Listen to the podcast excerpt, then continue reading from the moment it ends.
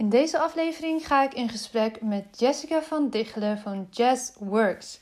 Jessica heeft tien jaar lang in de media gewerkt. Ze woont ook in Hilversum. En is sinds twee jaar als ondernemer gestart. Eerst als VA en inmiddels is zij ondernemerscoach. Ze helpt ondernemers voornamelijk bij een stuk marketing en sales en zichtbaar worden. Nou, een vrouw naar mijn hart kun je horen, want daar ben ik natuurlijk ook dagelijks mee bezig. En hier hebben we dan ook een prachtig gesprek over gehad. Ze vertelt heel persoonlijk over haar jeugd, over hoe zij bepaalde keuzes heeft gemaakt in haar werk en nu voor het ondernemerschap. We hebben het vaak in dit gesprek over keuzes maken en keuzes durven maken. En ja, we hebben het ook nog eventjes over salesgesprekken durven voeren. Ook dat is natuurlijk iets wat je er heel makkelijk tussen kan zetten tussen jouw huidige situatie als ondernemer en daar waar je naartoe wil. Dat sales niks voor jou is, dat sales een voet tussen de deur gevoel geeft, uh, dat sales niet hoort, dat jij niet om geld mag vragen. Nou, tegen het einde van deze aflevering geef ik ook mijn visie daarop en hebben we daar uh, een heel mooi gesprek over. Wil je nu aan de slag met jouw kennismakingsgesprekken, met jouw salesgesprekken? Wil je die fijner structureren? Wil je weten welke vragen je moet stellen om iemand mee te nemen in het denkproces om uiteindelijk ja te gaan zeggen tegen jouw aanbod? En wil je ook leren hoe jij om kunt gaan met mogelijke bezwaren die jouw potentiële klant op tafel legt? Ga dan even naar mijn website watchyourstory.nl en download daar mijn PDF die gaat over verkopen vanuit verbinding. Ik geef je daar zeven stappen. Ik geef je daar concrete vragen die je kunt stellen, zodat jij een kennismaking, een intake, een salesgesprek op een super fijne manier kan voeren. En klanten ook ja zullen gaan zeggen tegen jouw aanbod. Oké, dat gezegd hebbende. In deze aflevering hoor je het verhaal van Jessica. En Jessica, dankjewel dat je te gast wilde zijn. Het is een prachtig gesprek geworden. Luister naar Jessica. Watch Your Story is ontstaan omdat ik geloof dat er achter ieder gezicht een inspiratiebron schuilt. In deze podcast interview ik Jan en Alleman, de girl next door, bekend en onbekend over hun persoonlijke en businessverhalen. Veel plezier met luisteren! Jessica, welkom in de podcast. Wat fijn dat je er bent. Ja, goedemorgen, welkom, dankjewel. Ja, goedemorgen. Ja, het is nog mooi op tijd dat wij uh, deze aflevering opnemen. Ik heb er een handje van ondertussen om dat vroeg in te plannen met mensen. Heerlijk. Ja, het is voor mij wel even wakker worden. Normaal plan ik altijd afspraken vanaf half tien of tien, maar ik vind het ook wel heel lekker zo vroeg. Ja, nou ja, voor degene die het op een random tijdstip luisteren, het is nu uh, iets naar achter, geloof ik. Ja, precies. Hey, um, ik ben natuurlijk heel benieuwd straks wie je bent, wat je allemaal doet en aan jouw verhaal. Maar we starten met de openingsvraag. Wie is jouw grootste inspiratiebron? Ja, dat is een hele leuke vraag. En eigenlijk ook meteen een een leuk iets waardoor ik bij jou ben gekomen. Jij hebt haar al een keer geïnterviewd. Het is namelijk Kim Munnekom. Mm En ik vind haar, uh, ik denk dat heel veel mensen haar wel kennen. Zij is echt supergoed in de wet van aantrekking, Love Attraction. En zij coacht daar ook in. Zij gaat ook steeds meer naar de ondernemerskant. En eigenlijk sinds ik twee jaar geleden ben begonnen voor mezelf, ja, ben, of is zij op mijn pad gekomen en luister ik haar podcast elke ochtend als ochtendritueel. Ja, en uh, ja, ontzettend tof om van haar te leren over wat er allemaal mogelijk is op dat gebied. En um, ja, ook dat je zelf je eigen leven een beetje kan bepalen. Want dat was echt helemaal nieuw voor mij. Ja, neem ons daar zo meteen in mee. Want dat is, inderdaad uh, heb jij dat recent allemaal jouw leven omgegooid. En um, ja, leuk dat je haar noemt. Dat gaat vaker gebeuren de komende afleveringen. Want ik heb ontzettend veel nieuwe gasten vanuit de community bij Kim voor de aankomende podcast uh, ja, kunnen krijgen. Zeg je dat zo? Mag ik ontvangen in deze podcast? Dus haar naam zal vast vaker voorbij komen. Maar ik ben het helemaal met je eens. Ik heb uh, bij haar in de mastermind gezeten en ook ontzettend veel daarvan geleerd. Dus uh, ja, voor iedereen die haar nog niet volgt, somehow, nog niet haar voorbij zien komen... doen. ja, zeker. Ja. ja, ik vind haar aanpak vooral heel erg leuk op een nuchtere manier. Maar daar komen we straks denk ik nog wel even ja, terug. Hey, kan jij uh, jezelf kort voorstellen? Wie ben je? Wat doe je zoal? Ja, ik ben uh, Jessica. Op het moment van opname ben ik uh, eh, 30 jaar oud en ik woon met mijn vriend in Hilversum. Um, en zoals ik net al zei, ben ik ongeveer twee jaar geleden uh, in 2020 gestart als ondernemer.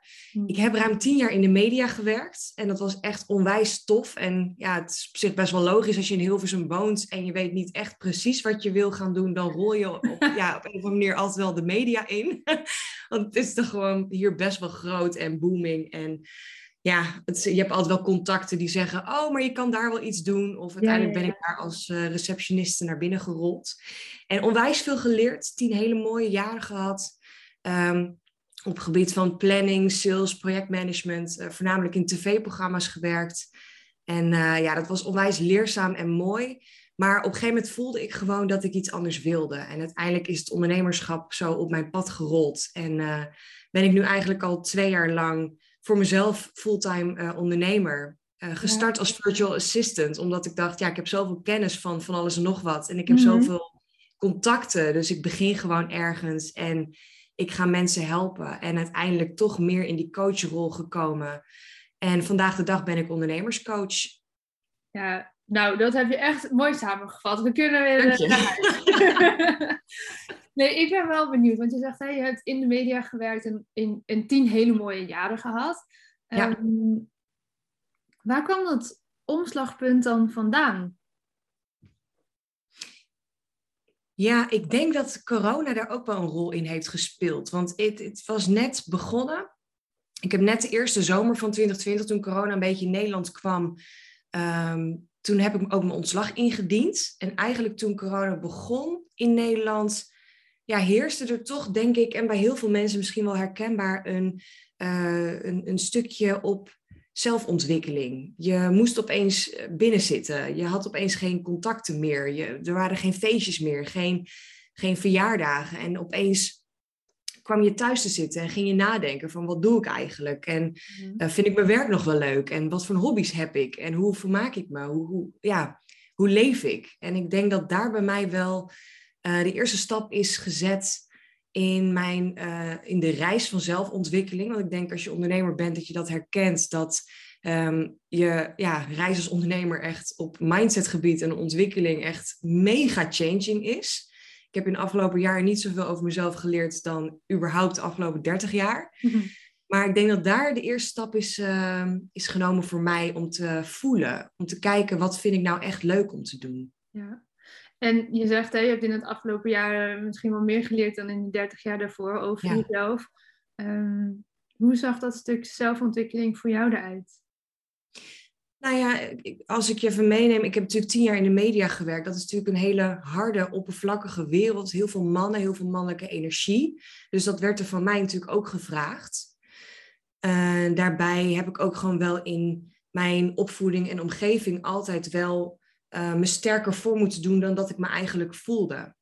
En toen ik begon met dat stukje zelfontwikkeling en echt leren voelen, toen dacht ik, maar er zit veel meer in mezelf of dit leven dan hard werken en overleven eigenlijk. Is dat iets uh, waar je over, iets over zou willen delen vanuit hè, waarom je vroeger al vanuit die harde energie, uh, nou ja, dat stukje overleven nodig Ja, had? tuurlijk. Ja, ja dat, is, uh, dat komt eigenlijk vanuit het gezin, mijn opvoeding. Sowieso, ja, hadden wij best wel wat mensen om ons heen, ook in de media, dat dat gewoon wel normaal was om je sterker voor te doen dan dat we ons eigenlijk voelden. Uh, maar mijn moeder die is uh, al heel lang psychisch ziek en die heeft ook echt wel verschillende depressies gehad. En als kind zijnde heb ik dat echt wel van dichtbij meegemaakt. Ja. En dan leer je eigenlijk van dichtbij om um, een masker op te zetten en om je sterker voor te doen dan dat je eigenlijk bent.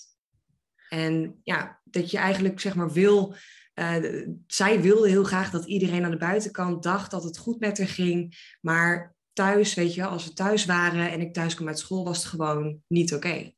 Nee. Als je daar nu op terugkijkt, hè, met, met de blik van volwassenen nu, wat deed dat met jou als kind? Ja, ik vond het heel zielig dat ze dat zo moest doen. Want ik zag wel echt die twee verschillende blikken. Ja. En dat vond ik wel, uh, ja, dat is niet leuk om je moeder zo te zien. Nee. Nee. Nee, dat, uh, dat kan ik me voorstellen. En als je dan het trekt naar het nu, hè, dat je hebt dus eigenlijk dat zelf ook best wel lang die, die way of life geleefd Ja. dan. Um, hoe is dat nu? Ja, het is heel bijzonder, maar door de ontwikkeling die ik de afgelopen tijd heb meegemaakt en uh, meer heb leren voelen, zie ik ook dat dingen, uh, dat je soms dingen meemaakt met een reden. Dat het oké is wat er is gebeurd. Dat zij ook deed wat zij dacht dat goed was op dat moment. En ik zie het niet meer. Ik, ik ben heel erg kwaad geweest. Ik heb heel erg veel verdriet gehad. En ik kan het echt steeds meer loslaten in het is oké. En het was blijkbaar nodig om haar ergens te brengen.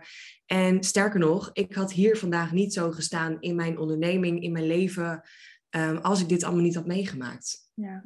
ja, dat vind ik heel mooi dat je dat zo zegt. Want dat zie ik natuurlijk bij heel veel uh, mensen met wie ik mag werken ook terugkomen. Dat dat persoonlijke verhaal zo'n drive is ook voor dat businessstuk. En dat, dat die verhalen zo mooi samensmelten. Of kunnen samensmelten in ieder geval. Ja, ja. Ja, weet je, het is ook heel grappig, want ik ben natuurlijk 30, maar ik coach ook gewoon vrouwen van in de 50. En die zeggen soms van, ja, maar jij lijkt wel alsof jij even oud bent als dat ik ben. En nou, dat is alleen qua wijsheid hoor, niet qua uiterlijk. Maar het is wel een stukje ontwikkeling wat je mee kan krijgen of mee hebt genomen, wat je ook weer kan geven aan anderen. Dus dat vind ik ook wel weer ergens waardevol. Ja, super waardevol. En dat maakt het juist dat je kan levelen natuurlijk. Ja, ja. ja. zeker. Herken jij dit ook ergens? Ja, nou ja, een ander verhaal natuurlijk, maar ehm, wel dat wat je hebt meegemaakt in je jeugd, uh, echt wel invloed heeft op hoe je nu in het leven staat. En dat zie je achteraf natuurlijk. Hè? En dat, als je er middenin ziet, zit, had, ja, toen zag ik dat niet. Maar nu zoveel jaar later, en ik ben ook dertig, dan kan je ja. een soort van connecting the dots. En kan je zien waar ook in je vroegste jeugd al bepaalde dingen misschien zijn gebeurd ehm, of niet gebeurd, die invloed hebben gehad door de jaren heen op hoe je nu in het leven staat. En wat jij zegt, daar kan ik me wel heel erg in vinden. Dat je misschien eerst een bepaald verdriet hebt gevoeld of boosheid hebt gevoeld. Ehm, maar dat je nu ook vanuit liefde en zonder wrok kan kijken naar hoe de dingen zijn gegaan. En dat het je ook heel veel lessen heeft geleerd. Ja. Voor mij is dat heel erg zo geweest met nou ja, het hele ziekteverhaal waar ik 10, 12 jaar in heb gezeten. En voor degenen die uh, dat verhaal niet kennen, ik heb altijd op hoog niveau gevolleybald. Ik kreeg toen de diagnose reuma op mijn zeventiende. En ja, dat was een stempel, daar ben ik in gaan geloven ook. Dat, ja, logisch. Uh, Ik had eindelijk iets waar ik me aan vast kon houden ook, want we wisten niet wat er was. Uh, maar mijn volleybaldroom viel toen wel in duigen. En eigenlijk pas vele jaren later uh, is het gelukt om weer los te komen van dat ziekteverhaal, van het ook wel slachtofferverhaal. Want het heeft me ook heel veel gebracht, dat verhaal. Ondanks dat mijn grote droom eigenlijk in duigen viel, heeft het me ook gebracht dat mijn bedrijf daaruit is ontstaan. Uh, nou ja, aandacht, liefde krijg je natuurlijk ook hè, als je in zo'n verhaal hangt. Mensen vragen ernaar. En eigenlijk, als je dan kijkt naar die identiteit van Lotte de volleybalster, moest ik al uh, heel jong loslaten. Hoewel dat pas veel later is gelukt. Ik denk echt tien jaar later of zo. vervolgens ben ik me gaan identificeren met de ziekte reuma. Ja. En ging dat loslaten. En dat was best wel, wel een proces. Maar op het moment dat dat lukt, is het zo'n bevrijding. Zowel de fysieke klachten die weg zijn, als ja, een soort van last die je meedraagt. Uh, ja. ja, nu kan ik dat inzetten voor de good. Weet je, het verhaal hoeft niet weg, want het is, het is er geweest op die manier. Het hoeft alleen nu niet meer zo prominent naar voren te komen. Ik deel er wel over als je er zo naar vraagt. Het is absoluut geen geheim, want ik merk ook dat het met heel veel mensen juist levelt als ik daarover deel. Dat ze zich herkennen in bepaalde stukken. Um, dus het hoeft niet weg. Maar het hoeft ook niet meer zo uh, de hele tijd het eerste te zijn wat ik vertel. Oh, ik ben Lotte. Oh ja, ik heb Rema, bij wijze van spreken. Ja. ja, en dat is ook eigenlijk heel bijzonder, hè? dat je jezelf ook zo profileert. Het is gewoon een stukje van je identiteit geworden. Ik was altijd de dochter van. En daar, um, ja, daar ging het om. Ja. En dat is bij jou natuurlijk ook. Jij was gewoon de ziekte, maar dat ben je niet. Dat is een stukje van je leven. Dat is een stukje, ja, dat was gewoon een fase. Klopt. Ja, en het voelt nu ook niet meer. Ik zeg ook niet meer dat ik het heb, bijvoorbeeld. Als mensen nee. vragen, dan die spreken over in de verleden tijd. Zo voelt het ook echt voor mij. En het heeft ook geholpen toen het nog niet helemaal zo voelde om het zo te gaan uitspreken, zodat dat ja, toch een soort van hergeprogrammeerd wordt in je brein. Ja. En um, ja, het heeft natuurlijk heeft het uh, de basis gelegd van mijn bedrijf. En dat ik deze podcast ook, die ben ik gestart omdat ik zelf als tiener heel erg de verhalen heb gemist. Ja. Eh, van jonge mensen die het ineens anders gingen doen. En hoe dan? En je wil eigenlijk, je wil het niet anders, want je had dat doel. Ja. ja, die verhalen, ik kon, ik kon het nergens vinden. En natuurlijk, social media was een andere tijd, er was ook minder te vinden. Ehm, maar dat is wel de basis geweest, ook voor onder andere deze podcast. Dus in die zin heeft het verhaal nog steeds bestaansrecht. Um, het is alleen niet meer, nou ja, de grootste driver. En daardoor zit het mij niet meer persoonlijk in de weg. Op een gegeven moment was ik er zo klaar mee. En ik dacht, ja, uh, het, het, heeft me heel ver gebracht, maar het dient me nu niet meer. De pijn is groter dan wat het me brengt. En dan heb je ook ja, een stok achter de deur om er wat aan te gaan doen, denk ik. Ja, ja ik herken ook wel heel erg dat je het de baas wordt. En dat is natuurlijk heel gek. In jouw geval dan een ziekte, in mijn geval een zieke moeder. Maar het is wel, op een gegeven moment heb je, en dat heb ik onder andere ook door eh, Kim Munnekom en de wet van aantrekking geleerd. Je kan ook zelf bepalen hoe groot je het maakt. En je kan zelf bepalen dat je op een gegeven moment zegt, ik doe een stapje terug en het blijft wel een onderdeel van mijn leven, maar het is niet mijn leven. En ik word de baas ervan en ik bepaal zelf wanneer ik erover nadenk of last van heb of whatever. Ja. En dat was bij mij zo'n shift in mijn mindset dat ik dacht, ik kan zelf bepalen hoeveel macht ik iets geef. Ja, ja dat zeg je heel treffend. En ik denk dat dat ook ehm, ja, voor iedereen die luistert, denk daar eens over na voor dingen in je leven waarvan je voelt, hey, dat is eigenlijk nu te groot. Ja. Ehm, en hang je dan in een slachtofferrol misschien stiekem. Dat klinkt heel hard. Toen iemand dat voor het eerst tegen mij zei, dacht ik ook, wat? Ja, hoezo slachtoffer? Ja, maar ik ben toch slachtoffer van deze situatie. Ik wilde dit ook niet. Ehm, maar ja, nu zie ik wel in wat ik daar deed. Ja. En dat ook, hey, je brein wil je veilig houden, dat dat ook veilig was geworden, dat verhaal. En ja, zonder dat verhaal hoe ging ik mijn bedrijf dan introduceren bij mensen? Hè? Want het was altijd, nou ja, ik heb Watch Your Story. Oh ja, wat doe je dan? En hoe is het ontstaan? Nou, zo is het ontstaan. Het was altijd eerst dat verhaal. En ondertussen, ook marketing-wise, heb ik echt wel geleerd dat, dat dat the other way around veel effectiever is. Dat je gaat praten over de problemen van je klanten, hè, waar zij zich in gaan herkennen. Uh, Dan dat je je eigen verhaal de hele tijd uh, op tafel gooit. Ehm, maar dat is wel, ja, die balans vinden tussen wel jezelf echt laten zien uh, daar gaan we vast zo verder over uh, hebben. En um, ja, er zijn voor je klant en die problemen in beeld brengen. Eh, dus het, het businessverhaal en het persoonlijke verhaal verweven. Ja, precies. Dan krijg je ook wel echt magie. Want mensen willen wel werken met jou om jou. Ze kunnen met jou aan de slag of met mij aan de slag. We, doen, we zijn allebei met marketing bezig, maar wel op een iets andere manier. En vooral een ander mens krijg je tegenover je. Het is maar net, ja, waar haakt iemand op aan? Dus daar wil je ook wel een beetje jezelf voor laten zien. Ja, zeker. Maar het is natuurlijk ook, de eerste stap is bewustwording. En dat merk ik ook heel erg met mijn klanten. Als ik uh, gesprekken heb, dan hoor ik ook vaak uh, die slachtofferrol. Maar dat is helemaal niet, dan zou ik ook nooit zeggen, weet je wel, je bent een slachtoffer aan het spelen. Want vaak zijn mensen zich er gewoon niet van bewust. Nee. Uh, dat ze zeggen, ja, maar ik kan bijvoorbeeld nu niet volledig voor mezelf gaan ondernemen. Want allemaal andere factoren, weet je wel. Ik, heb, wil nog een huis kopen of mijn partner heeft nog niet een vaste baan of het ligt altijd aan een ander. En daarin kan je ook gewoon door de juiste vragen te stellen uh, erachter komen of het ook echt zo is of dat er iets onder zit van angst, belemmerende overtuigingen. Ik zeg altijd tegen mijn klanten bullshit overtuigingen die je dan gewoon weg kan halen omdat er toch een onzekerheid in zit. Ik heb wel een heel mooi voorbeeld hiervan. En ik weet niet als ze luistert, eh, ik ga haar de naam niet noemen, maar ze gaat het herkennen en ze kan er smakelijk om lachen ondertussen. Dus ik, ik denk dat ik dat eh, mag vertellen. Uh, zij was een, een paar jaar geleden bij mij voor een één op één dag. En ze wilde ook switchen van, van wat ze deed. En nou ja, daar was ze een beetje huiverig voor, want voor het nieuwe wat ze ging doen, ik hou het een beetje anoniem hoor, want ik weet niet helemaal, anders is het ook een beetje zo wat, omdat zo. Ja. maar het nieuwe wat ze wilden gaan doen, daar had ze nog geen klanten voor. Niet zoals het, het, de oude dienst die ze leverde.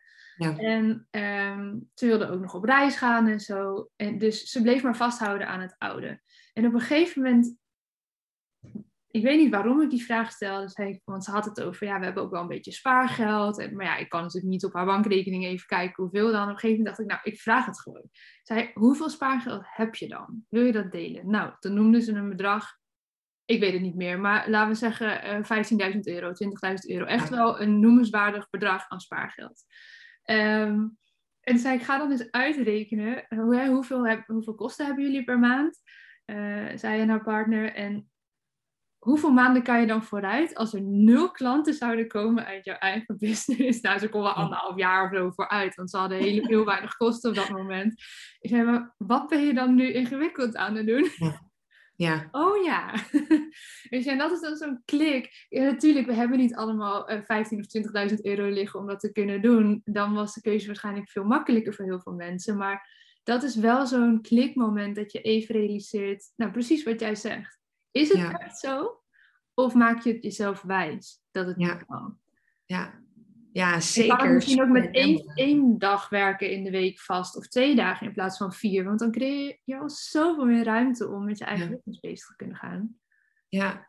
ja, ik denk dat dat ook gewoon heel veel overtuigingen zijn van mensen die uh, die gewoon en een buffer willen hebben en dit en dat en nog luxe willen leven. Maar uiteindelijk denk ik gewoon, en dat heeft het mij ook gebracht. Ik heb ook van een op andere dag mijn ontslag ingediend. Terwijl ik net een koophuis had en echt een goed salaris in de media.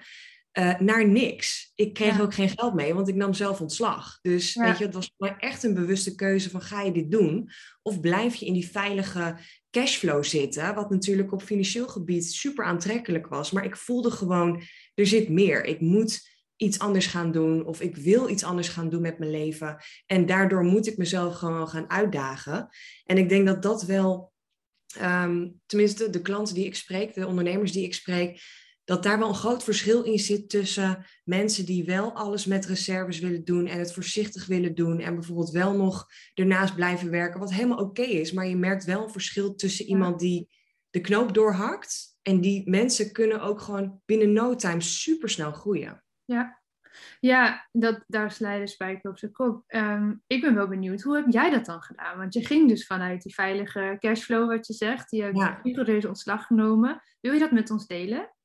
Ja, tuurlijk. Ja. Ik ga ook echt geen sprookjesverhaal ophangen. Ik heb ook echt wel in die periode echt knetterveel gejankt, heel veel wijn gedronken. Dus dat is ook wel echt iets wat, wat me ook een beetje staande hield.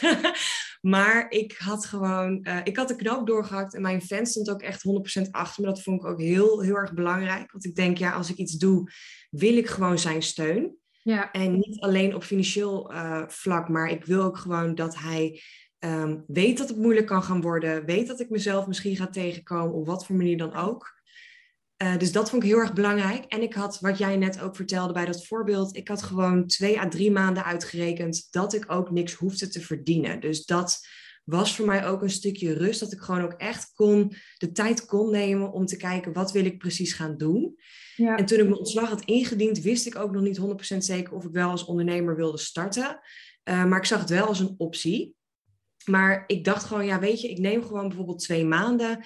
Ik moest ook echt even bijkomen, want het was echt een uh, rollercoaster vanuit de media. Uh, hard werken, weinig vrije tijd. Ik was altijd beschikbaar, altijd bereikbaar. Dus ik moest ook echt weer eventjes terug naar uh, de basis, gewoon even opladen. En um, ja, toen ben ik eigenlijk gewoon gestart met zelfontwikkeling en cursussen gedaan en online gezocht naar ja, wat er allemaal mogelijk was in het hele online ondernemerschap. En toen, ja, bij toeval, ik geloof niet in toeval, maar bij toeval kwam er een Facebook-advertentie voor een opleiding tot virtual assistant uh, naar boven. En dat sprak me zo aan dat ik eigenlijk ja, binnen twee weken, volgens mij, nadat ik mijn ontslag had ingediend, uh, die online opleiding ben gestart. Ja, dat is ook wel grappig, hè? want dat kunnen we nu vanuit marketingblik natuurlijk wel zien dat die advertentie niet toevallig voorbij kwam. Nee, zeker niet. ja, maar ja, toen wist ik echt... Ondernemerschap en allemaal dat soort dingen. Ja, daar hebben ze natuurlijk gewoon uh, hun advertentie op getarget. Ja. Maar dat is wel, ja, dat is grappig, want dat heb je op dat moment natuurlijk niet door. Ik kan me Totaal niet. herinneren toen ik net begonnen was als ondernemer toen ging ik een uh, webinar volgen van, um, was dat van Dolly en, en, Simone. Die, ik weet niet of ze ja. steeds heel veel samen doen. Ik volg ze namelijk nu niet meer echt actief. Maar dat deden ze dus samen met Gabriel Bernstein. En dus, ik vond dat zo fantastisch. En ik dacht echt, oh, dit moet ik hebben. En het programma van Gabby was, weet ik veel, 2000 euro of zo. Nou, ik was net begonnen. Ik verdiende tientjes, weet je wel. Er kwam, ja. er kwam nog echt nog niks binnen eigenlijk. Maar ik dacht, ja, maar ik moet dat hebben. En dat webinar zat natuurlijk gewoon helemaal strak in elkaar. Want ja, uh, dat kunnen zij wel. Ja. En, nou ja, nu snap ik dat als je een webinar volgt, dat je even alert moet zijn. Want hè, wil je dit echt kopen of niet? Maar toen, ik, ze namen me er helemaal in mee. Ik heb het gekocht. Uh, eh, 2000 euro betaald in 12 termijnen of zo. Weet ja, ja, ja, ja, ja. Elke keer, oh, kon het wel, kon het Maar uiteindelijk, het grappige is, het was een enorm online programma nou ja, waarschijnlijk net als jouw uh, opleiding. Um, en ik heb het echt nog steeds nog lang niet van A tot Z bekeken, want het is gewoon veel te veel uren. Maar ik heb daar één oefening uitgehaald. Eentje die zij in een een of andere vorm noemde. Ik heb mijn eigen draaier aangegeven. En die is de basis geweest van uh, bijna alle één op één dagen die ik heb gegeven. Oh. Dus die 2000 euro heb ik er nou keer heel veel uit kunnen halen. Ja. Wat zo bizar is dat dat dan dus, hè, nou ja, je pakt er één dingetje uit van zo'n heel programma. Ja. Ehm, maar wel grappig dat jij ook zo ook het eerste ding eigenlijk zo gekocht hebt. Omdat je gewoon, ja, ik wil niet zeggen dat je erin geluisterd werd, want je wil het zelf. Ja, um, Maar die marketing trucjes, je hebt het gewoon nog helemaal niet door op dat moment. Ja, en ook daarin geloof ik wel dat alles wel een reden heeft. Want als dat balletje niet was gaan rollen... Ik ben heel blij dat ik het heb gekocht. Ja, nou ja, ik ook. En het is heel grappig dat jij dit nu deelt, want ik heb eigenlijk hetzelfde met mijn opleiding gehad. Dat het zo'n gigantische opleiding was met allemaal online tools en allemaal dingen dat ik echt dacht, nou, waar de F moet beginnen? Maar er was één opdracht um, op het gebied van mindset en dat was maak een moodboard. En toen dacht ik eerst, ik weet nog dat ik hem uh, dat ik die opdracht las en toen dacht ik echt, nou serieus, ik ga ze niet knutselen. Ik ben, hallo. doe kalm. En dan moet ik allemaal blaadjes gaan kopen en knippen en plakken. En daar heb ik helemaal geen zin in. Maar toen dacht ik, nou weet je wat, je bent toch uit je comfortzone allemaal nieuwe dingen aan het doen. Ga het nou maar gewoon doen. En ik weet gewoon nog, en ik heb hem hier ergens nog liggen. Ehm, mijn eerste moodboard. Het was zo ontzettend wat ik dat jaar daarna ook heb gemanifesteerd. En dat was voor mij zo'n mooie bevestiging van je bent ook goed bezig. En dit is ook gewoon de kant die je op wil gaan. Ja, ja, te gek. Ik zou die van mij eens op moeten duikelen. Die staan. Ik heb zo'n hele grote tekenmap nog van vroeger. Ja. Heb ik wel in bewaard. Want elke keer zegt de timmerman van nou, kunnen moeten die ook weer mee verhuizen of kunnen ze nu weer? Nee, nee, nee, ze moeten mee. maar ik kom altijd, de laatste tijd als ik zo'n moodboard maak, dan, dan komt er een of ander tropisch eiland de hele tijd uit en zo, met heel veel zon en zee en uh, noem maar op. Dus ergens, nou, het is hier nu heel mooi zonnig, maar ergens uh, is nog eh, work to do, geloof ik. Ja, precies. Ja, nou ja, gelukkig ben je ook nooit klaar. Maar het is wel heel grappig om te zien dat je dus ook al, want ik wist totaal niet wat het was manifesteren. Ik wist ook totaal niet wat het betekende dat je, uh, dat je kon dromen, überhaupt. Snapte ik dat gewoon, dat hele concept gewoon niet zo goed. Dus ik vond het zo mooi om te zien dat ik ook gewoon plaatjes en woorden ging uit knippen waar ik dan nu bijvoorbeeld mijn coaching heel erg op doe. En dat ik nu echt sowieso één keer per jaar een nieuw moodboard maak om nieuwe intenties te zetten en nieuwe doelen te stellen. En ja, heel bijzonder wat dat dan doet. Ja. En bij mij was het ook bijna 2000 euro, terwijl ik echt nog helemaal niks verdiende. Dus ik ben ook gewoon die investering onwijs dankbaar. Nou ja, in 88 termijnen, inderdaad. Dat, denk ik sowieso met, met investeringen. Um, als ik kijk naar de afgelopen jaren, ik heb een aantal keren nou ja, nog veel grotere investeringen gedaan. Uh, onder andere uh, de opleiding bij Bart van der Belt gevolgd, die heel erg over ondernemerschapskills ging. Nou, bij Kim in de mastermind gezeten, dat was ook een enorm bedrag. En ik ga nu in uh, mei de Storybrand certificering volgen. Nou, dat was ook 8.500 euro.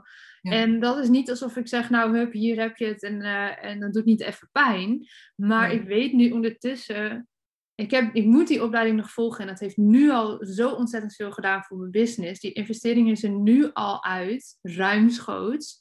Uh, alleen maar door de beslissing te nemen, ik ga dat doen en me daar alvast in te verdiepen. En natuurlijk, toen ik net begon, ging ik niet zo'n investering doen. Man, het kwam niet eens bij me op dat ik ooit zoveel geld zou gaan uitgeven aan mezelf eigenlijk. Maar ja, in, natuurlijk ook aan je klanten uiteindelijk. Ja. Ehm, maar wat je zegt, dat je nu de ervaring hebt van ja, maar zulke investeringen uh, zetten zo'n enorme versnelling in. Ja, je kan het ook zelf allemaal uitvinden, maar als je het ineens geteacht krijgt van iemand anders, en dat zullen jouw klanten bij jou ook merken, dat zie ik bij mijn klanten ook. Je gaat in een soort van stroomversnelling eventjes.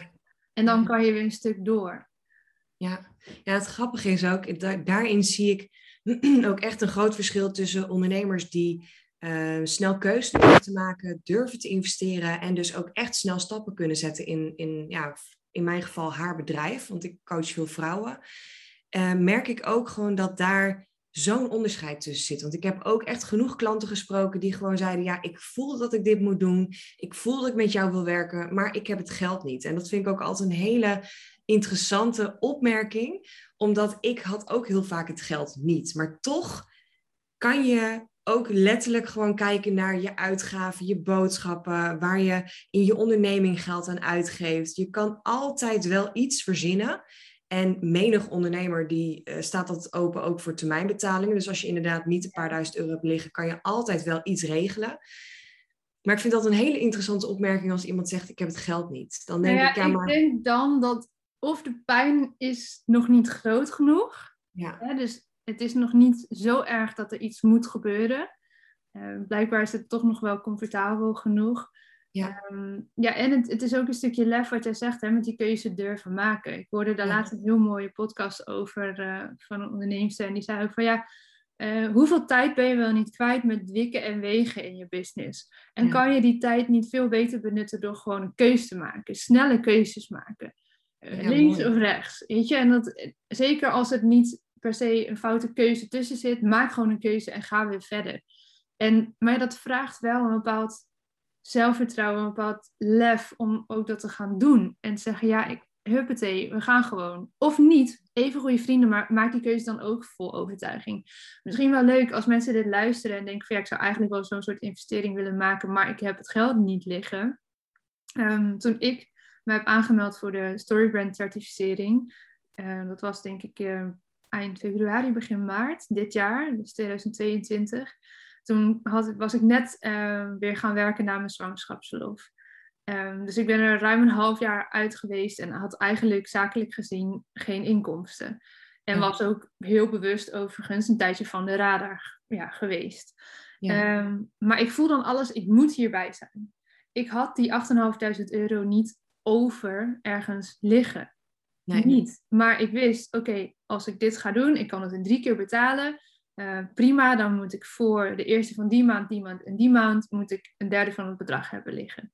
Wat ik ben gaan doen, want ik was zo enthousiast erover. Ik dacht, ja, maar ik moet dus altijd doen, want dit is ook voor mijn klanten zo waardevol. Ik ben daar heel enthousiast over gaan delen, op Instagram Stories in mijn geval. Het maar net welk je hoofdkanaal is.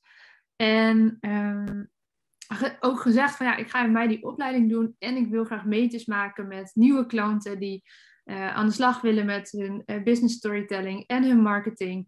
Uh, dat is wat ik al doe, maar ik ga dit eraan toevoegen als een soort van onderstroom onder mijn diensten. En ja, dit is gewoon geniaal. En dat, ik zat daar helemaal in op dat moment en nog steeds. Ik vind het nog steeds. Ja. Um, en wat er gebeurde, ik had dus binnen no time elf nieuwe klanten die ja. dit wilden, betaald. En tuurlijk kregen ze het voor een, een nou ja, goedkoper prijsje in die zin, want ze wisten het is een parallel leerproces voor mij. Ik ga wat nieuwe dingen uitproberen. Ik moet misschien af en toe iets opzoeken voor ze, omdat dat nog nieuw is. Dat wisten ze. Super transparant over geweest. Ja. Maar op deze manier heb ik dus binnen no time die investering terugverdiend. En kon ik ja. hem met een gerust hart maken. En dat ja. is iets. Weet je, als je iets wil, vind een manier. Wees creatief. Mensen vinden het hartstikke tof als jij zoiets gaat doen. En er is dus altijd een groepje die klaar is om ja te gaan zeggen tegen jou. En die dat ook alleen maar heel sympathiek vindt dat je het op die manier aanpakt. Ja. Je hoeft niet ja. alles te weten. Mensen vinden het prima als ik zeg, hé, hey, dat zoek ik na ons gesprek even voor je op. Ja, ja. Ja, en dat is echt weer precies dat onderscheid tussen ondernemers die uh, kansen zien. En dat is in jouw geval dus nu bij een investering. Maar hetzelfde geldt natuurlijk in coronatijd. Als er bijvoorbeeld weer een lockdown aan zou komen. Ja. Je ziet dan gewoon echt het verschil tussen ondernemers die um, in die slachtofferrol stappen en zeggen: Ja, ik heb het niet, ik heb het geld niet. Of ik ben slachtoffer van en het lukt me gewoon niet. Of ondernemers die gewoon zeggen: Ja, fuck it, ik ga er gewoon voor, all in. En ik zie nu opeens kansen die ja. ik voorheen niet had. Ja. Ja, nou ja, ik kan me nog goed herinneren, begin van de coronatijd. Ik ben allemaal persoonlijke portretten gaan schrijven. Ik ben gewoon interviews gaan doen, zoals wij nu in gesprek ja. zijn. En ik ben dat gaan uitschrijven en helemaal mooi opgemaakt. En dan hadden ze een persoonlijke verhaal op papier. En ik heb dat toen gedaan met een soort tikkie-actie. Ik zei, nou, uh, en je mag zelf bepalen wat je ervoor over hebt. Ik heb uren en uren en uren geschreven en, uh, en gesproken met mensen. En misschien wel 40 portretten of zo gemaakt binnen een paar maanden tijd. En de een maakte een paar tientjes over en de ander een paar honderd euro. Maar dat zorgde wel dat ik die eerste, dat eerste stukje lockdown in ieder geval mijn zakelijke rekeningen kon blijven betalen. Is dat iets wat je wil volhouden als ondernemer op die manier? Nee, want dat is gewoon niet te doen. Maar op dat moment moet je creatief zijn. Wat kan je wel? Ja. En dan is het maar even bikkelen. Ja.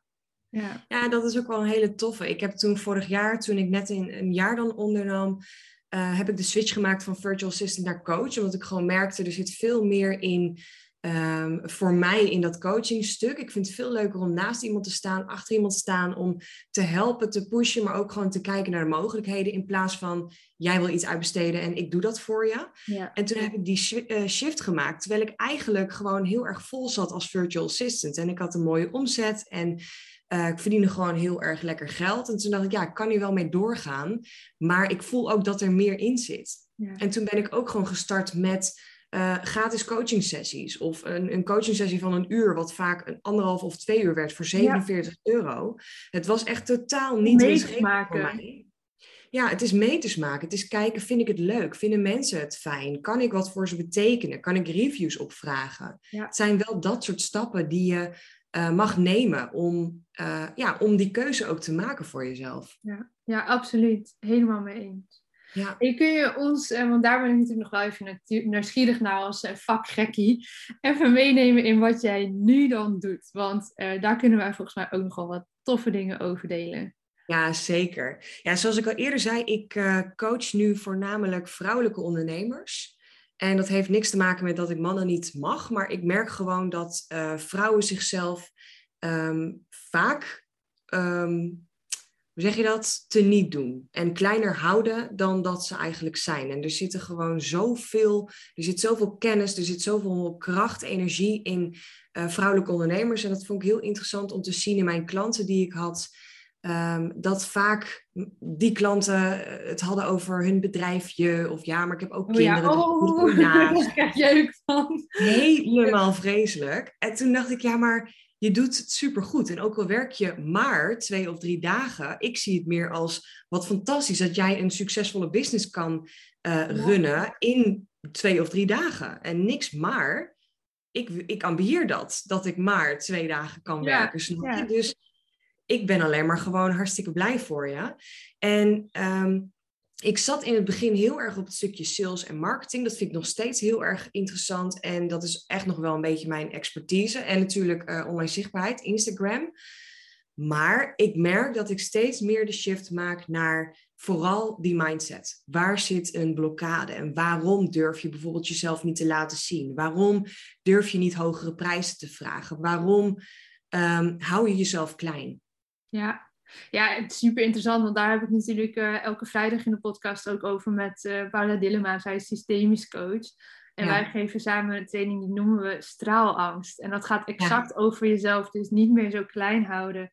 Uh, Niet bang zijn voor je eigen succes. Want dat, dat zit er vaak onder. Mensen zeggen, ja, faalangst, faalangst, ik durf niet. Maar zo vaak is het niet per se faalangst, maar, maar de angst voor wat als het wel lukt. En, en wat jij precies wat jij zegt, van waar komen die blokkades dan vandaan? Waarom, waarom durf je het niet? Waarom maak je niet die sprong of die keuze waar we het zo net over hadden? Ja, precies. Ja, en wat is je waarheid? Hè? Net als we eerder in deze podcast hebben besproken. Ehm, ben jij, want ik spreek ook vaak vrouwen die gewoon zeggen: Ja, maar ik kan het niet, punt. En dan kunnen ze het ook gewoon niet. En daar zit natuurlijk ook jouw waarheid. Als je dat maar vaak genoeg zegt. Ja, precies. Ik kan geen klanten aantrekken. Ik kan mezelf niet laten zien. Ik kan niet vloggen. Ja, dan gaat het ook niet lukken. Dus dan vind ik het heel interessant om te kijken met die persoon. Maar wat kan je dan nu al wel doen om daar dichterbij te komen? Ik vind dat het een mooie... Ik hoorde die ooit een keer... Ja, probeer eens die pen te pakken. Je kan het niet proberen. Je pakt hem of je pakt hem niet. Ja. En dat is met dit denk ik ook... Ja, ik ga proberen te ondernemen tuurlijk ga je nieuwe dingen uitproberen. En ik probeer ook nog steeds dingen uit. Wat werkt wel, wat werkt niet. Maar ik maak wel een keuze. Of ik ga die weg inslaan, of niet. Ik doe het wel, of niet. Met alleen maar een beetje proberen, gaat het hem gewoon niet worden. Dat klinkt misschien heel hard, maar ja, dan blijf je gewoon een dure hobby houden, wat fijn is als dat is wat je wil. Weet je, daar is echt helemaal niks mis mee. Als jij zegt, ik doe het erbij, hè, ik heb een baan in loondienst of uh, op een andere manier uh, heb je voldoende inkomsten en ik wil daarnaast gewoon leuk nog een beetje een paar coachsessies per week doen, bijvoorbeeld. Maar het hoeft niet mijn, mijn uh, inkomstenbron te zijn. Ja, prima. Ik bedoel, wie ben ik om te zeggen dat dat niet, uh, niet kan? Ja. maar als je eigenlijk een, gewoon ja, een bedrijf wil opbouwen, echt een business wil opbouwen, ja, als je dan alleen maar een beetje blijft proberen, je moet soms gewoon die sprong wel echt gaan wagen en, en ja, ook gewoon op je bek gaan af en toe. Ja, ja letterlijk. En ik denk dat daar vooral heel veel in zit. Dat je mag durven falen. Ja. Want dat gaat gebeuren, weet je. je Ik ga je nu al garanderen, misschien als je luistert ben je net gestart met ondernemen, misschien onderneem je al vijf jaar, maar, um, of helemaal niet, maar whatever. Waar je ook staat, je gaat een keer op je bek. Je gaat een keer je kop stoten. Je gaat een keer met een klant werken uh, waarvan je later denkt, hmm, dat had ik eigenlijk niet moeten doen. Maar ook daar leer je van. Ja, ja, anders dan hoef je er überhaupt niet aan te beginnen. Maar dat is niet alleen in het ondernemerschap. Dat is ook in een nieuwe relatie. Dat is ook als je een andere baan wil. Uh, ja, je moet op een gegeven moment de guts tonen om je huidige baan op te zeggen en te gaan voor iets nieuws. Uh, ja. Ja, je moet een keer op een gegeven moment de guts hebben om te zeggen: hey, wil je een drankje met me gaan drinken als je iemand ja. leuk vindt? Het is niet alleen maar in het ondernemerschap. Het hele leven is, denk ik, ja, als je die risico's durft te nemen. Um, ja, vind ik het zoveel mooier, zoveel spannender. Gebeuren er zoveel grootse, mooie dingen. En natuurlijk, het hoeft niet alleen maar groot en meeslepend te zijn als je dat helemaal niet, niet ambieert. Maar het zit hem vaak ook in de hele kleine dingetjes. In kiezen voor dat je vanavond even met een boek en een kop thee op de bank gaat zitten. Uh, in plaats van Netflix aan te zetten. Ja. daar kan het hem ook in zitten. Ook dat is weer een keuze. Ja, dat is ook zo. Het zijn ook allemaal keuzes. En ik heb altijd uh, voor mezelf de regel: ik heb liever spijt van iets wat ik wel heb gedaan dan dat ik het niet heb geprobeerd. En om hem dan nog verder te trekken, zeg ik altijd: ja, als ik later ooit een keer op mijn sterfbed lig, dan wil ik terugkijken en dan wil ik ook echt um, gewoon 100% kunnen zeggen: ik heb alles uit mijn leven gehaald en geprobeerd en gedaan. En dan ga ik ook, denk ik, niet meer alleen maar kijken naar de fouten die ik heb gemaakt of de lessen die ik heb geleerd. Ik zie vooral wat ik eraan heb gehad ja. ja super mooi. Ja. Volgens mij uh, mega veel al wat we hebben uh, besproken hier uh, in deze aflevering. Hey, is het misschien leuk om bijvoorbeeld het laatste kwartiertje nog even te wijden aan gewoon wat marketing-inhoudelijke dingen? Want daar hebben we het nu bijna niet over gehad. Wel een beetje ja. zijdelings natuurlijk. Um, maar jij bent veel bezig met zichtbaarheid op Instagram onder andere. En ik denk dat het uh, wel heel waardevol is. Het is dan gewoon even een, een, een, nieuw blokje van deze aflevering. Maar wel heel tof om daar nog eens wat meer over te horen. Want dat is toch wel iets waar veel mensen mee struggelen, volgens mij. Ja. Ja. Wat ja, je gebeuren daarin? Ja, ik vind Instagram echt een fantastisch platform. Ik moet je wel eerlijk zeggen, veel mensen zullen het wel herkennen.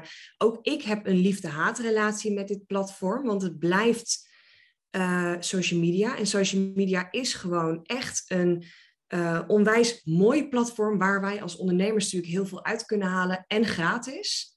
Of tenminste voornamelijk gratis. Maar um, ik zie nog steeds dat er heel veel ondernemers dit platform gebruiken als uh, hun, successen delen. En eigenlijk alleen maar het mooie gedeelte, hun mooie, de mooie kanten van hun reis als ondernemer, uh, dat meenemen op Instagram.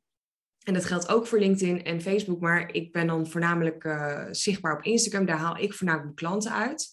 En ik merk dat daar gewoon nog heel veel te halen valt voor ondernemers. En een, stukje van mijn missie is ook echt om dat te doorbreken, om ook die andere kant te laten zien. Om ook te laten zien dat het uh, soms gewoon keihard, um, ja, keihard op je bek gaan is. En dat het ook gewoon soms oké is dat je je niet oké voelt. En dat het oké is om ook dat te delen op Instagram. En nou vraag ik je niet om uh, elke dag huilend jezelf te laten zien in een vlog. Want dat moet ook passen bij, uh, bij je klant. Dat ook meestal averechts. Ja, precies. maar is het wel voor jou. Ja. Het is gewoon wel goed om wel te laten zien dat het niet alleen maar goed gaat. En dat het soms in een nieuw aanbod of in een lancering, dat het oké is. Dat heb ik eigenlijk nu ook. Ik zit nu in een lancering van uh, mijn tweede groep van de Business Flow Academy. Die heb ik begin dit jaar gelanceerd.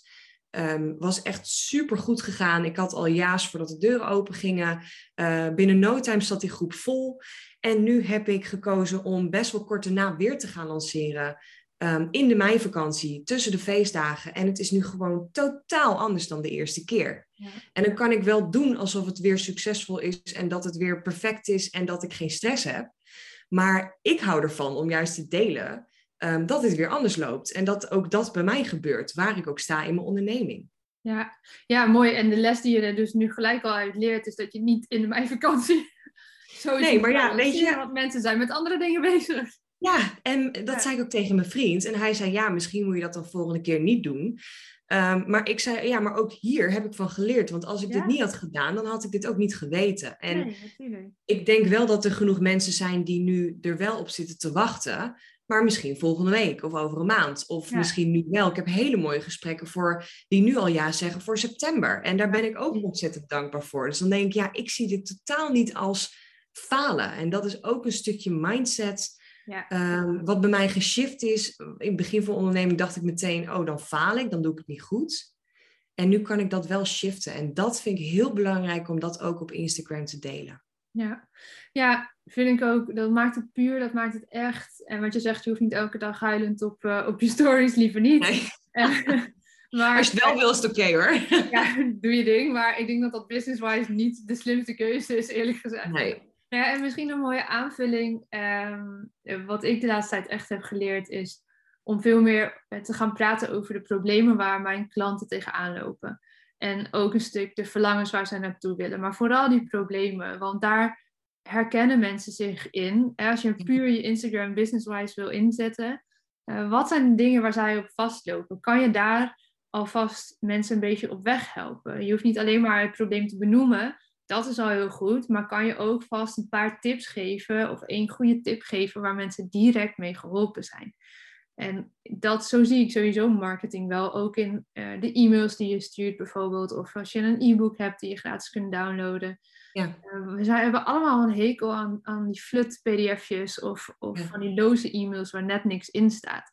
Hoe kan je nou zorgen dat je in elk stukje zichtbaarheid, of dat nou Instagram is of, of een andere platform, elke keer een subprobleempje van jouw klant al oplost. Waar je dus geeft, geeft, geeft, geeft, geeft. En uiteindelijk de mensen die echt met je aan de slag willen, die, ehm, die haken aan omdat je dan het, proces faciliteert. Ja. Want de kennis ja, ze ook wel bij iemand anders vinden. Ja, maar ze kopen, ja ik heb daar echt wel een paar hele concrete praktische tips voor ik denk, wat ik altijd mijn klanten leer, is keep it simple. Want vaak zit je als ondernemer te veel in je hoofd en wil je te perfect doen. Wil je het perfecte Canva-plaatje erbij, een hele storytelling in je post. Terwijl als je daar nog niet staat in je onderneming, ga gewoon proberen. Ga, schrijf een post. Schrijf waar je mee bezig bent. Schrijf dat je een klantgesprek hebt gehad. Schrijf gewoon waar je mee bezig bent. En als een post dan nog te ver voelt, begin dan gewoon lekker een keer met een selfie en op je story een beetje uitproberen want dat is toch na 24 uur kwijt. Dus weet je, ik vind het heel erg belangrijk dat je um, start before you're ready. Dus dat je gewoon wel iets doet voordat je er klaar voor bent. Want alleen zo kom je erachter wat bij jou past. Ik ben bijvoorbeeld twee jaar geleden, toen ik net was gestart als ondernemer, sterker nog, ik had nog ineens mijn KVK, maar ik had wel die opleiding gestart en ik ben wel een zakelijk Instagram-account gaan openen. En ik had nul volgers, want ik wilde ook niet al mijn verleden uit de media en mijn vrienden, mhm. familie meenemen. Maar ik ben elke dag gaan vloggen. Elke dag ben ik, um, ja, heb ik die camera aangezet en ben ik echt, ik heb laatst mijn eerste vlog opgezocht. Het was vreselijk gênant, maar er zat volgens mij nog een stukje yoghurt tussen mijn tanden. En ik dacht oh, wat erg. Maar ik heb het gedaan en ik heb ook mezelf laten zien. Ik ben gewoon gaan documenteren. Dat vind ik, ja, als je Kim Munnekom volgt, dan ja, hoor je document don't create. Vaak. Ja, document don't create. En dat is echt mijn levensles geworden. Ik ben gewoon elke dag gaan documenteren, zonder uitzondering, sinds twee jaar lang. Omdat ik elke dag heb ik iets te delen. En vaak zit je als ondernemer zo erg in je hoofd vast met eh, maar wat kan ik doen? Mijn leven is saai. Ik heb niets om te delen. Terwijl elke dag heb je wel iets een Instagram-post van een ander, een, een klantgesprek, uh, werkzaamheden die je doet voor een klant. Je doet elke dag wel iets waarvan je iets kan delen met je volgers. En je zet het er dan ook tussen. Hè? Ik heb niks te delen is zoiets wat je zet tussen waar je nu bent en waar je heen wil. Dat is zo'n lekker excuus om maar niet zichtbaar te hoeven worden. En weet je, dat, dat ja, zonder mensen voor hun hoofd te willen stoten, maar op die manier gaat het er niet worden in het ondernemerschap. Of je moet echt wel een knettergoede website hebben die heel goed vindbaar is, misschien in Google. En dat je al jouw klanten daaruit haalt. Dat kan. Hè? Je hoeft, social media is geen voorwaarde. Maar ook op je website, ook in de e-mail marketing die je doet, moet je in een bepaalde vorm zichtbaar worden. Dan hoef je misschien niet video's te gaan maken zoals je dat op stories doet. Maar je moet wel ja, een bepaalde leiderschap kunnen tonen, een bepaald voorbeeld kunnen zijn. Uh, als jij met klanten wil werken. In ieder geval, en we hebben nu denk ik ook heel veel over de dienstverleners. Als jij echt uh, een webshop hebt, dan kan het misschien nog um, van iets meer ondergeschikt belang zijn dat je zelf ook heel zichtbaar bent als persoon. Maar ja, zelfs daar geloof ik wel heel erg dat dat wel werkt. Ik ook hoor. Ik denk wel dat het vooral helemaal in de hele coronatijd, of je nou offline of online werkt, ik denk dat het alsnog belangrijk is om um, connectie te maken met je volgers en jezelf ook daarin te laten zien. En ja, er is wel een verschil tussen uh, ik bijvoorbeeld of jij die, die onszelf gewoon vaker laat zien omdat wij echt ons bedrijf zijn en mensen met ons gaan werken als coach. Maar ook al heb je een beauty salon of verkoop je tassen, ook dan is het gewoon nog steeds belangrijk en dat wordt alleen maar belangrijker om te laten zien, maar waarom doe jij dit? En weet je, weet je, die connectie aan te gaan met je volgers. Want mensen kopen uiteindelijk van mensen. Ja. En dat is wel echt een verschil. Dat is zo. Mensen, ja, kopen, wat... mensen, mensen kopen ook op basis van emotie en verhalen creëren emotie. Dat, dat is gewoon hoe het werkt. En die verhalen die komen van jou, van jou als de ondernemer, van jou als het gezicht achter de brand, uh, als de persoon die de tassen ontwerpt bijvoorbeeld. Uh, ja ja, een mooie tas kan ik wel op heel veel plekken kopen, maar waarom wil ik hem bij jou? Ja. Waarom ga ik mijn zuurverdiende geld uitgeven bij jou? Zo, zo, mag je echt denken als ondernemer, omdat jij een bepaald probleem voor me oplost en omdat ik jou leuk vind. Ja, het is ja en dat is een combinatie. Ook, ja, helemaal waar. En dat is dan ook nog even een klein haakje naar prijs en aanbod. Ik vind dat daar ook altijd nog iets heel interessants in zit. Want vaak zeggen mensen, ja, maar um, ik mag niet meer vragen dan puntje, puntje, een concurrent of iemand mm. anders. Terwijl ik geloof wat je ook doet, als jij gewoon volledig gelooft in hetgene wat jij doet en dat je ook merkt dat mensen daar um, iets aan hebben, dan is prijs altijd een laatste factor waar mensen op afhaken. Snap je wat ik bedoel? Dat is gewoon, vaak kopen ze gewoon iets, een stukje tijd, energie, een stukje ervaring en daar willen ze voor betalen.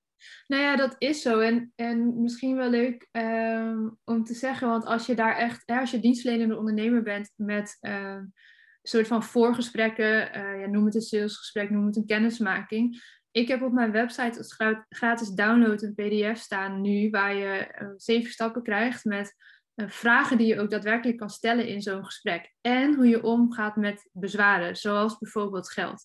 Want vaak als mensen daar alsnog op stuk uh, lopen, als dat, dat zorgt voor de nee op jouw aanbod, is er eerder in het gesprek meestal iets niet goed gegaan. Of niet goed genoeg gegaan. Want als de urgentie groot genoeg is en de pijn dus op tafel ligt, um, dan moeten mensen bijna wel in zee gaan met je. Ja. Dus als je daarmee struggelt, ga even naar, uh, naar mijn website. Want dat is iets. Um, ik pak dat er nog steeds altijd. Ja, hij ligt hier gewoon. Ik heb hem standaard op mijn tafel liggen. Ik kan het wel even. Ja, ik laat het nu aan jou zien, maar dat horen mensen natuurlijk. dit, dit, is echt heel handig. Ik laat het even zien, wou ik zeggen. Maar ja. Wauw, wat mooi. mooi. Ja, ja, overdrijf het even. Dan willen mensen. Het oh ja, Ik, zou, ik ga hem downloaden. Ik ga hem nu, nu downloaden. maar wat, ik pak hem er nog steeds bij als ik met mensen ja. um, in gesprek ben. Ook al weet ik ik de vraag ondertussen bijna uit mijn hoofd. Het helpt om gewoon even te kijken, hey, waar zit ik in het gesprek? Ja. Die structuur. En als dan een bezwaar komt als, als geld, van, hè, dan, dan kan je zulke mooie vragen als wedervraag stellen. Uh, Om mensen toch daarover na te laten denken. En ik vind het prima als je er een paar dagen over wil nadenken. Maar sluit ook altijd af met: hey, wanneer hebben we weer contact? Wanneer laat je het me weten? En als het dan een nee wordt, om wat voor reden dan ook, even goede vrienden. Ehm, maar meestal als je dit gesprek dan hebt gevoerd, komen ze of op een later moment terug, of ze maken toch hele andere keuzes in hun business, of gaan met iemand anders in zee omdat die beter bij ze past, of weet ik veel. Uh, weet je, dat, dat is ook iemands eigen keuze, dat is prima. Ja, maar als je dat ook vaker doet, dat merk ik ook. In het begin, was het gewoon heel erg zoeken en bied je bijvoorbeeld gratis kennismakingsgesprekken aan, dan ga je letterlijk met iedereen het gesprek aan. En op een gegeven moment merk je ook wel in hoe je dat wegzet, uh, de DM's, die gesprekken die je hebt met mensen, uh, überhaupt trouwens, dat is ook wel een tip voor luisteraars. Ga ook connectie aan. Want wat ik vaak zie gebeuren is dat ondernemers denken: Nou, top, dan ga ik twee keer per week posten. En dan ga ik één keer per week mijn gezicht laten zien op mijn story. En dan wacht ik gewoon af, want dan stromen de klanten binnen. Terwijl dan denk ik ook, ja, maar dat is uiteindelijk wel waar je naartoe wilt. En als je een goed marketing systeem en goede strategie hebt um, opgebouwd, dan kan dat ook wel. Maar je moet er wel iets voor doen eerst. Het is niet een kwestie van achteruit chillen en zitten wachten tot mensen duizenden euro's gaan neerleggen voor je. En dat heeft alles te maken met als je nieuwe volgers krijgt, verwelkom ze. Ga gesprekken aan. Gebruik stickers in je, in je story om gewoon te vragen: waar loop jij tegenaan? Of wat ben je aan het doen? Of waar kan ik je bij helpen? En ga daar dan het gesprek mee aan. En alleen daardoor gaat er een balletje rollen. Um, ga je gesprekken krijgen, dan ga je daarvan leren. En wat ik wou zeggen is dat ik nu gesprekken heb, eigenlijk alleen maar kennismaakgesprekken met mensen die dus echt al op een niveau zijn dat ze dus um, eigenlijk al ja hebben gezegd, maar nog heel eventjes mee willen spreken of dat stukje vertrouwen willen hebben. Nou, herkenbaar hoor, want ik heb, um, ik heb nog steeds die, die uh, sessies, ik noem ze marketingstrategie sessies, en dan kan je een half uur gewoon één op één met mij sparren over jouw marketing gratis. Uh, maar ik merk wel dat mensen die zich daarvoor aanmelden, zijn eigenlijk al klaar voor de volgende stap. En in een half uur krijg, ga ik gewoon schieten op je website, op je marketing, op welke vraag je maar hebt. En als je dan zelf ermee aan de slag wil en niet uh, samen verder wil, prima, want dat, dat mag. Maar ik merk heel vaak dat mensen dan na die tijd toch wel denken: hé, maar dit smaakt naar meer. Er valt zoveel nog winst te behalen in mijn marketing. Oké, ja, ik wil wel met jou aan de slag. Want mensen weten natuurlijk ook wel, voordat je je aanmeldt voor zo'n soort um, gesprek of voor zo'n sessie, Ehm, dat de vinger op de zere plek gelegd gaat worden. En dat het, de kans er best wel in zit dat, dat je daarna meer wil. Dat weet je zelf ook als je zo aanmeldt voor zo'n gesprek. Ja. En als dat niet zo is, prima. Ehm, maar dat is wel iets wat, wat voor mij ook heel fijn werkt. Omdat ik dan gelijk wat tips kan meegeven. Gelijk kan zien, hey, past deze persoon ook bij mij? Uh, want ik ga best wel intensief met mensen aan de slag. Dus als ik denk, nou, die matcht gewoon niet bij mij, dan heb het is niet alleen maar dat zij moeten kiezen voor mij, maar ik kies ook voor hun. Ja. En dat ook, hè, die switch, die komt ook door de jaren heen. Want eerst ben je blij met iedere klant. Uh, maakt niet uit, stom, leuk, jong, uit, maakt niet uit. Ja. Uh, maar op een gegeven moment wil je ook gewoon zelf alleen maar werken met de mensen die jij ook heel leuk vindt. Ja. bij jou. Dus, ja, en het leuke is ook wat jij ook doet. En dat vind ik ook alweer meteen een concrete tip voor de luisteraars je geeft ook gratis waarde weg door zo'n call aan te bieden. Ik ben ook heel erg fan van. Ik ben nooit bang dat ik te veel gratis weggeef. Ik heb een podcast net als jij, waar je heel veel waarde geeft. Je gaat vaak posten op Instagram. Ik heb bijvoorbeeld ehm, in periodes dat ik het aan kan en niet in heel veel coaching sessies zit, dan ga ik wekelijks een uur live op Insta, waar mensen gewoon hun vragen kunnen stellen. Dat heb ik gedaan omdat ik zoveel DM's kreeg met vragen, met dezelfde vragen, dat ik dacht, ja, ik ben alleen maar bezig met mensen een soort van via DM aan het coachen. Ja. Uh, dus ik ga dat combineren. En sommige mensen kunnen dan denken, ja, maar dan ben je elke week gratis een uur aan het coachen. Waarom zou iemand dan ehm, voor jou willen gaan? Maar ik krijg juist bijna al mijn klanten door zo'n Insta Live, omdat ze dan even kunnen voelen hoe voelt zo'n coaching met Yes. En wat voor tips geeft zij en wat voor waarde deelt ze met me. En als ik dan echt interesse heb, dan ga ik een één op één met haar aan. En dan zijn ze al op een niveautje waar je ze wil hebben. En dat is voor mij niet sales techniek, omdat ik mensen hun geld wil hebben. Maar dit is puur omdat ik geloof dat ik al die tijd, energie en, en, alles wat ik erin stop aan investering, dat ik dat gewoon terug ga krijgen. Ja. Nou ja, en wat, wat ik een hele fijne vind, en misschien is dat een mooie om mee af te ronden. Ehm, ik wil graag dat mensen investeren in datgene wat ik aanbied, omdat ik weet dat het ze verder gaat helpen. Ja. En als ik merk dat daar geen match is, dan zal ik ook altijd adviseren om of naar iemand anders te gaan of om het niet te doen. Ja. Ik wil graag dat mensen ja zeggen, omdat ik 100%, meer dan 100% overtuigd ben dat ik je verder kan helpen. Maar dat is wel een groei geweest. Nou, dat punt. Dat je echt voelt van ja, maar zeg ja, want ik weet dat ik je ga helpen. En dat voelt die ander ook. Ja. En natuurlijk heeft de ander altijd een keuze of ze dat dan wel of niet willen doen. Maar wat jij ook zegt, hè, je deelt waarde, waarde, waarde. En uiteindelijk hebben ze dan op een bepaald punt dat ze meer willen. En ze kopen bij jou het proces. Ze kopen bij jou dat je met hun één op één gaat meekijken. En niet in een groepje op Insta-stories, uh, waar je nou eenmaal maar tot een bepaald uh, niveau kan gaan. Ja. Dus geld zie ik in die zin als een hele mooie uitwisseling. Want op het moment dat ik weet van hé, hey, ik kan jou verder helpen, zeg ja. En nou ja, even heel plat gezegd, geef me je geld. Ja. weet ik dat ik weer zoveel beter voor mezelf kan zorgen, voor mijn business kan zorgen, voor de freelancers met wie ik werk kan zorgen, voor mijn klanten kan zorgen. Ja. En uiteindelijk komt dat dus ook weer terug bij zowel mijn huidige als nieuwe klanten.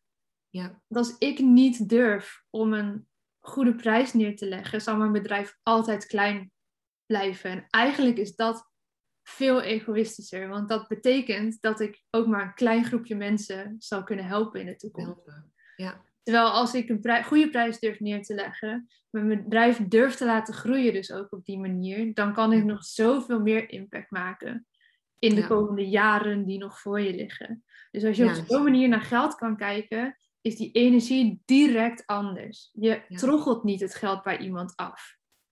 je, je zegt investeer, want ik kan jou verder helpen. En als je dus niet 100% overtuigd bent van je eigen dienst of product, is dit dus heel moeilijk. En dan mhm. weet je dat je misschien A, iets te doen hebt in je sales skills. Want je moet gek worden op verkoop als ondernemer. Maar ja. B, ook dat je nog je eigen dienstverlening echt scherp onder de loep moet gaan nemen. Want als jij niet met... Ik wil het dan iedereen het liefst verkopen. Ik kan niet iedereen helpen, dat is wel zo misschien. Maar ik wil het liefst dat iedereen ja zegt. Want ik weet dat het iets gaat doen voor je business of voor je privéleven voor de good. Ja. En als je dat gevoel nog niet hebt, dan zit je misschien nog niet helemaal op de goede plek, ook qua wat je aanbiedt. Nee, precies. Nee. En qua nee, wat jij mindset die daarbij komt kijken. Het is natuurlijk een combinatie van. Ja, zeker. En ik geloof ook echt heel sterk dat als je een goed product of een dienst iets aanbiedt, of een traject, ik geloof gewoon heilig als mensen bij mij iets afnemen, uh, zich door mij laten coachen, dat ze dat geld echt dubbel en dwars gaan terugverdienen. Mm. Omdat ze in alle, niet alleen puur op geld, maar ook op stukje energie, of misschien slimmer werken, minder hard werken, uh, dat ze daar gewoon ook al hun geld uit gaan halen. Dus dat is ook zo mijn overtuiging van. Daarom hoef ik eigenlijk geen sales te doen, want ik zie enerzijds dat mijn klanten tevreden zijn, dat ze blij zijn en dat uiten ze ook gewoon heel graag. En anderzijds zie ik gewoon dat het ook echt iets kan doen met jezelf en met je business. Ja. En dat is een investering waard. Punt. Dat is een hele mooie laatste zin. Dat is een investering ja. waard. Dankjewel voor dit fijne gesprek. Dankjewel voor het luisteren naar deze aflevering van de Lotte Gerland podcast. Ik vind het super leuk om te weten wie er luistert en vind het dan ook te gek als je dit met me deelt. Bijvoorbeeld via je Instagram stories. Tag me vooral at watchyourstory-nl, zodat ik jouw bericht ook weer kan delen. Samen bereiken we zo nog veel meer mensen en kunnen we dus ook met alle verhalen nog meer impact maken. Heb je nou zelf een inspirerend verhaal dat je eigenlijk graag zou willen inzetten voor de marketing en communicatie van jouw bedrijf, maar kom je er niet helemaal lekker uit? Ga dan naar watchyourstory.nl en plan een gratis 30 minuten marketing strategie sessie. Dan gaan we er samen naar kijken en ik kijk er enorm naar uit om je daarover te spreken.